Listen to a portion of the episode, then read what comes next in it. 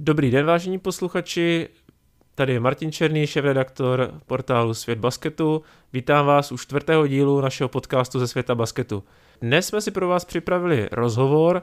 Pozvání přijal rozehrávač eh, BK Opava, mládežnických reprezentací, ale taky basketbalu 3 na 3 Lukáš Bukovian. Ahoj. Čau Lukáši, vítám tě tady. Ten rozhovor dneska jsme se rozhodli koncipovat spíše více o právě basketbalu 3 na 3 protože ten pronikl na olympijské hry, které tedy i přes koronavirus zatím stále nebyly odloženy nebo přeloženy. Lukáš eh, reprezentuje Českou republiku v basketu 3 na 3 a bude v širším kádru nebo v kádru kvalifi- na kvalifikaci o olympiádu.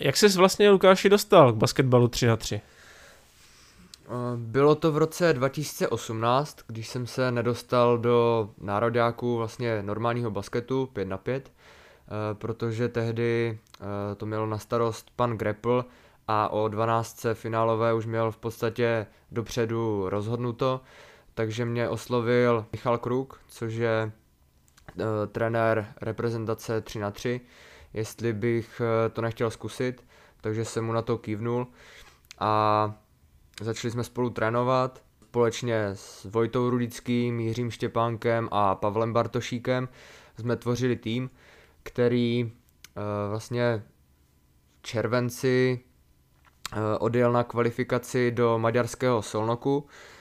Ta kvalifikace byla o mistrovství Evropy, tu jsme vyhráli a postoupili jsme na zářijové mistrovství Evropy, mm, kde jsme skončili na pátém místě. Takže to byla první zkušenost z eh, 3 na 3. Eh, zkus nám popsat, eh, jaké jsou hlavní rozdíly mezi pětkovým basketem, který hraješ primárně, a mezi basketem 3 na 3. Řekl bych, že 3 na 3 je daleko více fyzicky náročnější, protože je tam hodně, hodně soubojů pod košem na co úplně nejsem, nejsem zvyklý. Eh, je to daleko, je to daleko tvrdší, protože tam jsou takový řezníci, kteří to pod tím košem prostě umlátí a eh, je to, je to, hodně, je to hodně silové. Dalším rozdílem je to, že, nemá, že nemáte vůbec čas nějak odpočinout, protože na útok máte pouze 12 vteřin, to znamená, že je to rychlejší, mění se pořád obrana útok, obrana útok, takže, takže v tady tomhle je to velmi náročné. Další, dalším rozdílem je to, že se musíte vlastně spolehnout jenom sám na sebe, protože když vás někdo přehraje v souboji jedna na jedno, jeden na jednoho, tak vám nikdo nepomůže. Není tam výpomoc ze slabé strany jako v pětkovém basketu, tam prostě neexistuje. Když prohrajete jedna na jedna, tak je to konec. Když někdo vypomůže, tak to letí okamžitě vlastně na trojku a ten tým vás trestá. Takže v tady tomhle je velký rozdíl. Ty zápasy, když to takhle líčil, jsou v jistém smyslu určitě atraktivnější pro fanoušky, protože ty útoky se střídají daleko rychleji, je to takové asi dynamičtější, nebo asi určitě.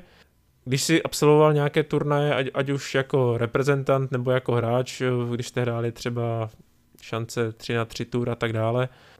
Jak je to s atmosférou na tě, těch turnajů? Eh, co fanoušci fandí, chodí na ty, na ty turnaje? Odvíjí se to určitě podle toho místa, eh, nebo města, kde se to hraje.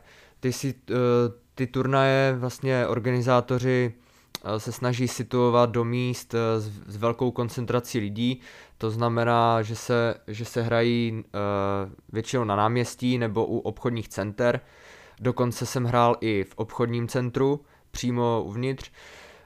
Uh, takže oni se to snaží dělat tímto způsobem. Třeba když vzpomenu šanci 3 na 3, tak největší vlastně atmosféra, nebo nejlepší atmosféra je asi v Praze, protože tam chodí dost lidí. No a když se na to podívám vlastně uh, ze světového nebo evropského hlediska, tak měl jsem tu možnost hrát eh, Challenger eh, v Novém, v Novém Sadu, což je město v Srbsku, které, které je takovou kolébkou sportu 3 na 3 odkud pochází čtyři nejlepší týmy na světě a ta atmosféra tam byla skvělá, tam tím žije prostě celé, celé město a byl to super, super zážitek. Takže ty jsi zmínil třeba turnaj, turnaj v Novém Sadu, kam se s basketem 3 na 3 eh, podíval nejdál nebo na co nejradši vzpomínáš? Tak těch zemí, kde jsem se díky basketbalu 3 na 3 dostal, bylo, bylo opravdu hodně. Bylo to Maďarsko, kam už eh, moc rád jako nejezdím, protože uh, oni pořád 3 na 3 um, vlastně cpou do toho Maďarska, takže jet tam vlakem to není úplně super. A, ale byly to země jako Dánsko, Rumunsko, uh, teďka nejnověji Francie, ale na co vzpomínám opravdu dodnes a bylo, bylo to takový nejlepší zážitek je Sri Lanka a Čína. K Číně se ještě dostaneme. Eh, co ta Sri Lanka? Měli jste tam možnost se podívat i někam do přírody nebo na nějaké památky? Eh, na Sri Lance byl jeden den volna a to jsme využili k tomu, abychom uh, se vydali za slony, takže jsme jeli asi tři a půl, tři a půl hodiny takovým minivanem vlastně do sloní rezervace, tam jsem měl tu možnost uh, dokonce se projet na slonovi, takže to bylo super. A potom jsme vlastně tři a půl hodiny jeli zpátky, takže tři a půl hodiny tam, eh, projížďka na Slonovi, dejme tomu hodina a tři a půl hodiny zpátky, ale stálo to za to. Tak na Slonovi si myslím, že moc Čechů nejelo, v tom máš teda určitě náskok. Eh, já se musím zeptat ještě na to mistrovství světa do 23 let v Číně před dvěma lety tam došlo k takové kuriozní situaci, kdy vy jste vlastně dva zápasy dohrávali ve dvou. O co tam tehdy šlo? První, první problém byl v tom, že jsme do Číny neodlítali, nebo neodlétali ve čtyřech hráčích, což je klasický počet pro hru 3 na 3, ale pouze ve třech. Danzach uh, se na univerzitě v Americe totiž zranil, uh, zvedal, zvedal asi moc velkou váhu na bench, takže si, takže si urval velký prsní sval a víza pro náhradníka se už nestihli udělat, takže jsme tam eh, odcestovali pouze ve třech. Eh, já, Vojta Rudický a Honza Karlovský. Mm, první den jsme zvládli, eh, dokonce jsme jeden zápas i vyhráli. Další den jsme měli volno, to jsme využili vlastně mm, pro návštěvu tržnice. Tam asi něco špatného Honza Karlovský snědl a dostal střevní problémy, a takže nebyl, nebyl schopen hrát ten další hrací den. No, takže jsme se s Vojtou rozhodli, že to zkusíme ve dvou.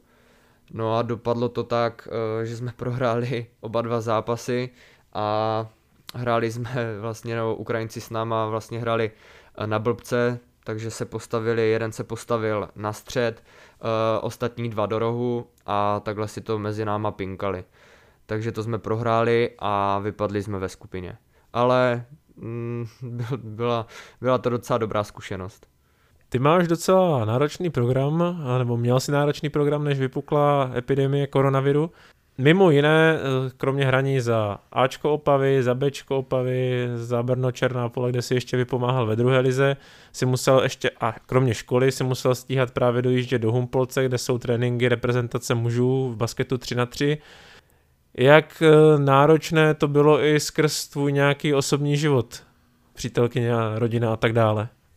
Tak eh, zrovna přítelkyně z toho nebyla dvakrát nadšená, že ještě k tomu všemu se mi uh, přidali tréninky v Humpolci. No a do Humpolce jsem jezdil vždycky v pondělí, protože oni tam trénují v pondělí a ve středu a jezdit z Příbora do Humpolce dvakrát za týden to opravdu nešlo to, to není žádný med ani ta jedna cesta za týden, protože do toho mám tréninky v Opavě každý den a ve středu byly, byly ještě vždycky zápasy, eh, takže to moc nešlo stíhat. Ale teďka je situace taková, že se netrénuje ani v Opavě, ani v Umpolci.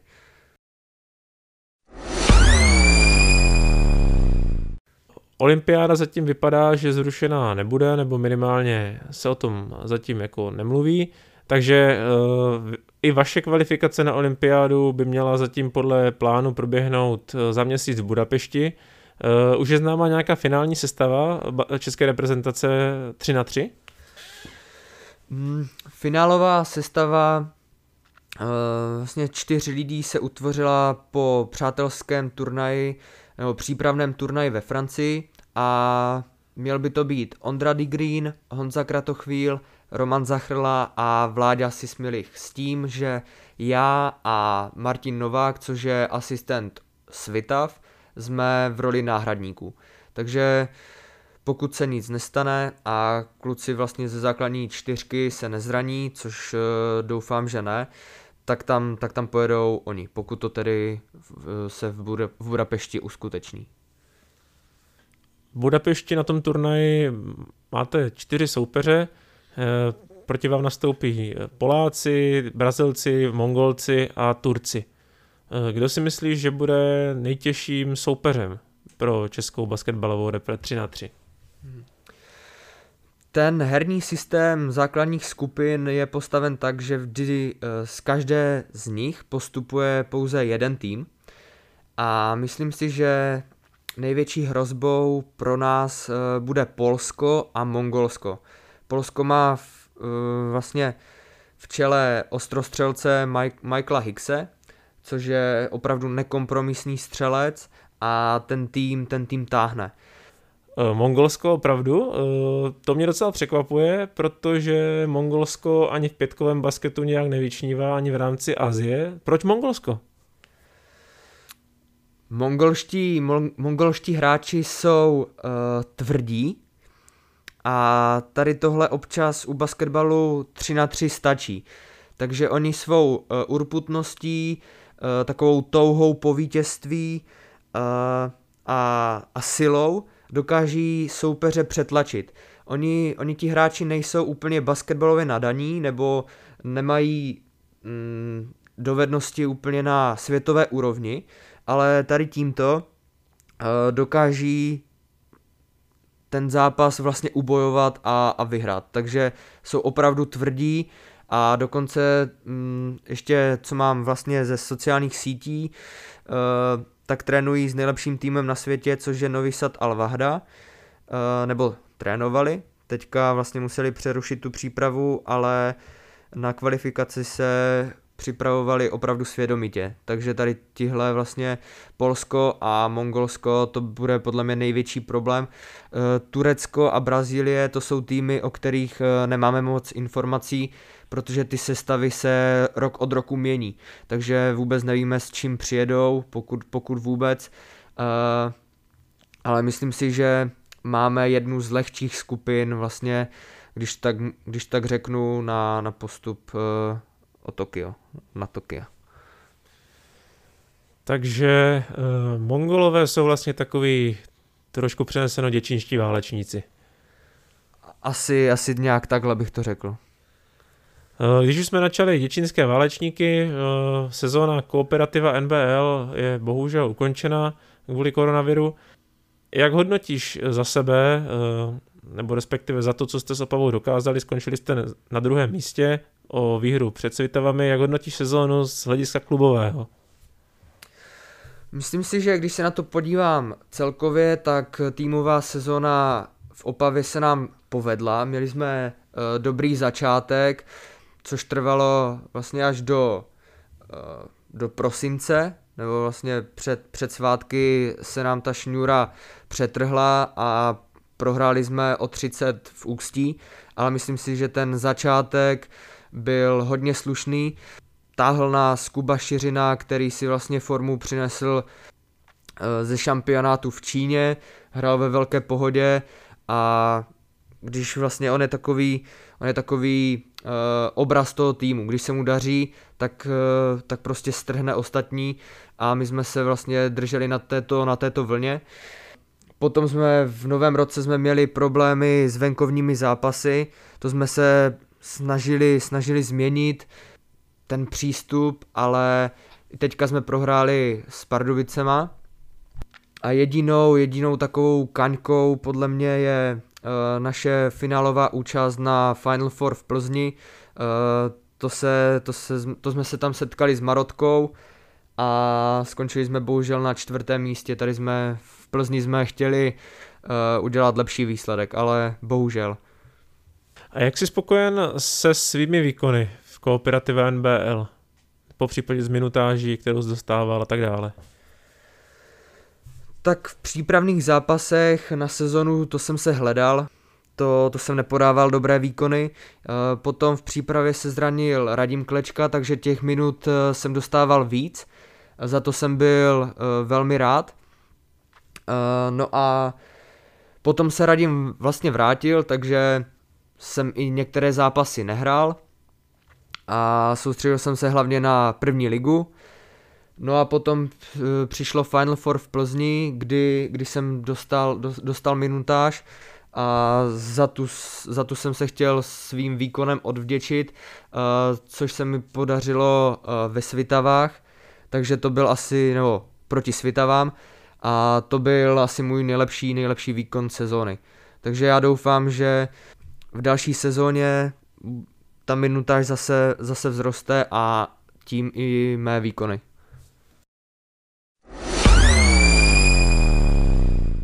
Náš podcast se chýlí pomaličku ke, ke konci, ale mě to nedá se tě nezeptat na jednu věc. Eh, ty letos bys měl dodělat bakalářský program eh, vlastně žurnalistika na Univerzitě Palackého v Olomouci a ty píšeš takovou zajímavou bakalářskou práci. Eh, pochlup se nebo řekni nám, o co jde.